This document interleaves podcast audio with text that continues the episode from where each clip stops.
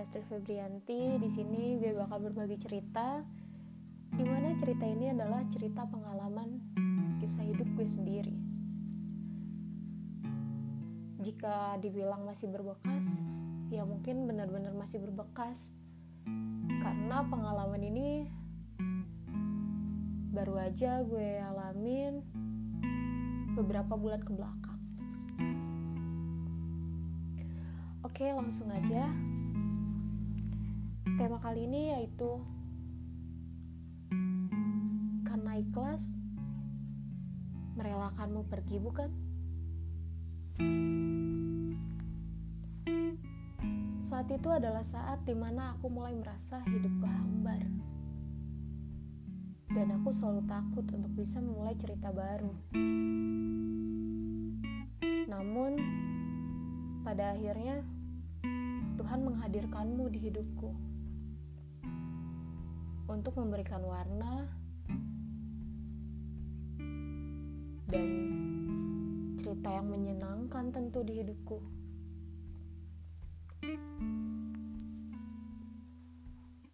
Awalnya aku merasa tidak yakin akan hadirmu. Namun kamu selalu mencoba berusaha meyakinkanku dengan caramu sendiri. Terkadang dalam hidup kita tidak bisa menolak apa yang datang dan pergi. Namun ada kalanya kita bisa membuat ritme pada prosesnya.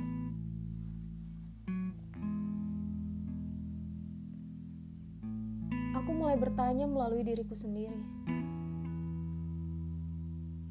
Apa kau masih merindukanku?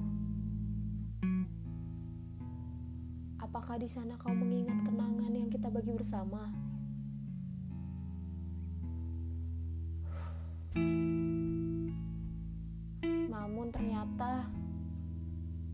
Hanya aku yang menunggumu seperti orang bodoh di sini. Tolong beritahu aku bahwa aku harus berhenti.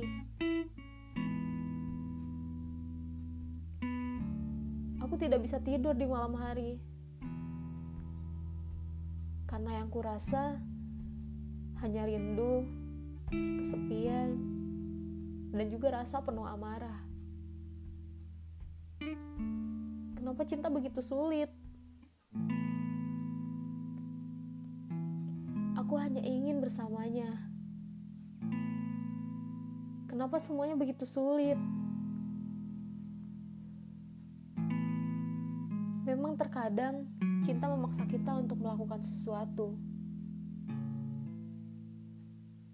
Dan memaksa kita harus melakukan sesuatu yang terbaik tentunya.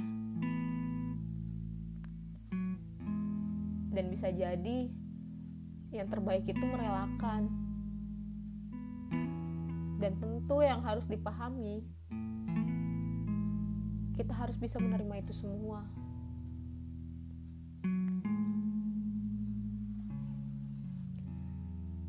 Aku sangat ingat saat itu suasana tidak begitu ramai karena belum jam besuk. Ya, tentu. Kita sedang di rumah sakit.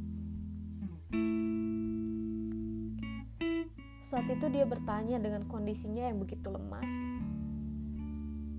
Dan ucapan yang keluar dari dari mulutnya begitu terbata-bata. dan dia bertanya kepadaku, "Kenapa masih mau sama aku? Kamu gak feel? Lalu tangan kiriku menggenggam tangan kanannya, dan tangan kananku terus mengusap-ngusap rambutnya. Lalu aku balas pertanyaannya dengan sedikit senyum dan genangan air mata yang mungkin siap terjun namun ku tahan.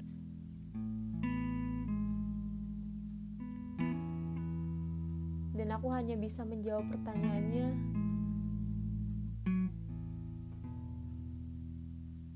begitu saja. Karena saat itu aku tidak bisa berpikir sama sekali. Melihat kondisinya yang seperti itu, dia masih sempat berpikir bahwa aku akan merasa ilfil dengan kondisinya.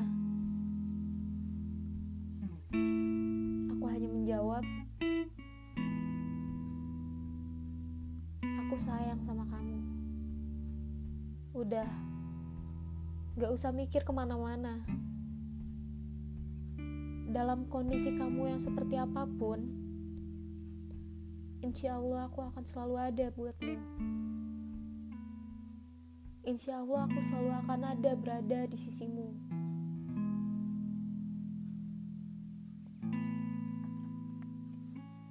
Tujuh belas Januari 2020 Tidak ada yang tahu kau diciptakan untuk siapa. Namun pada akhirnya, kau meninggalkanku lebih dulu dengan setumpuk kenangan yang begitu menyenangkan. Meskipun sulit melepas kepergianmu, namun aku ikhlas. Kau telah nyaman berada di sisinya. Terima kasih untuk semua kasih sayang yang kau berikan. Terima kasih untuk kebahagiaan yang kau selalu ciptakan. Mungkin sebuah kata tak cukup untuk mewakili rasa. Namun percayalah, meskipun ragamu telah pergi, tapi kenangan dan semua cerita kita akan selalu tersimpan di hati.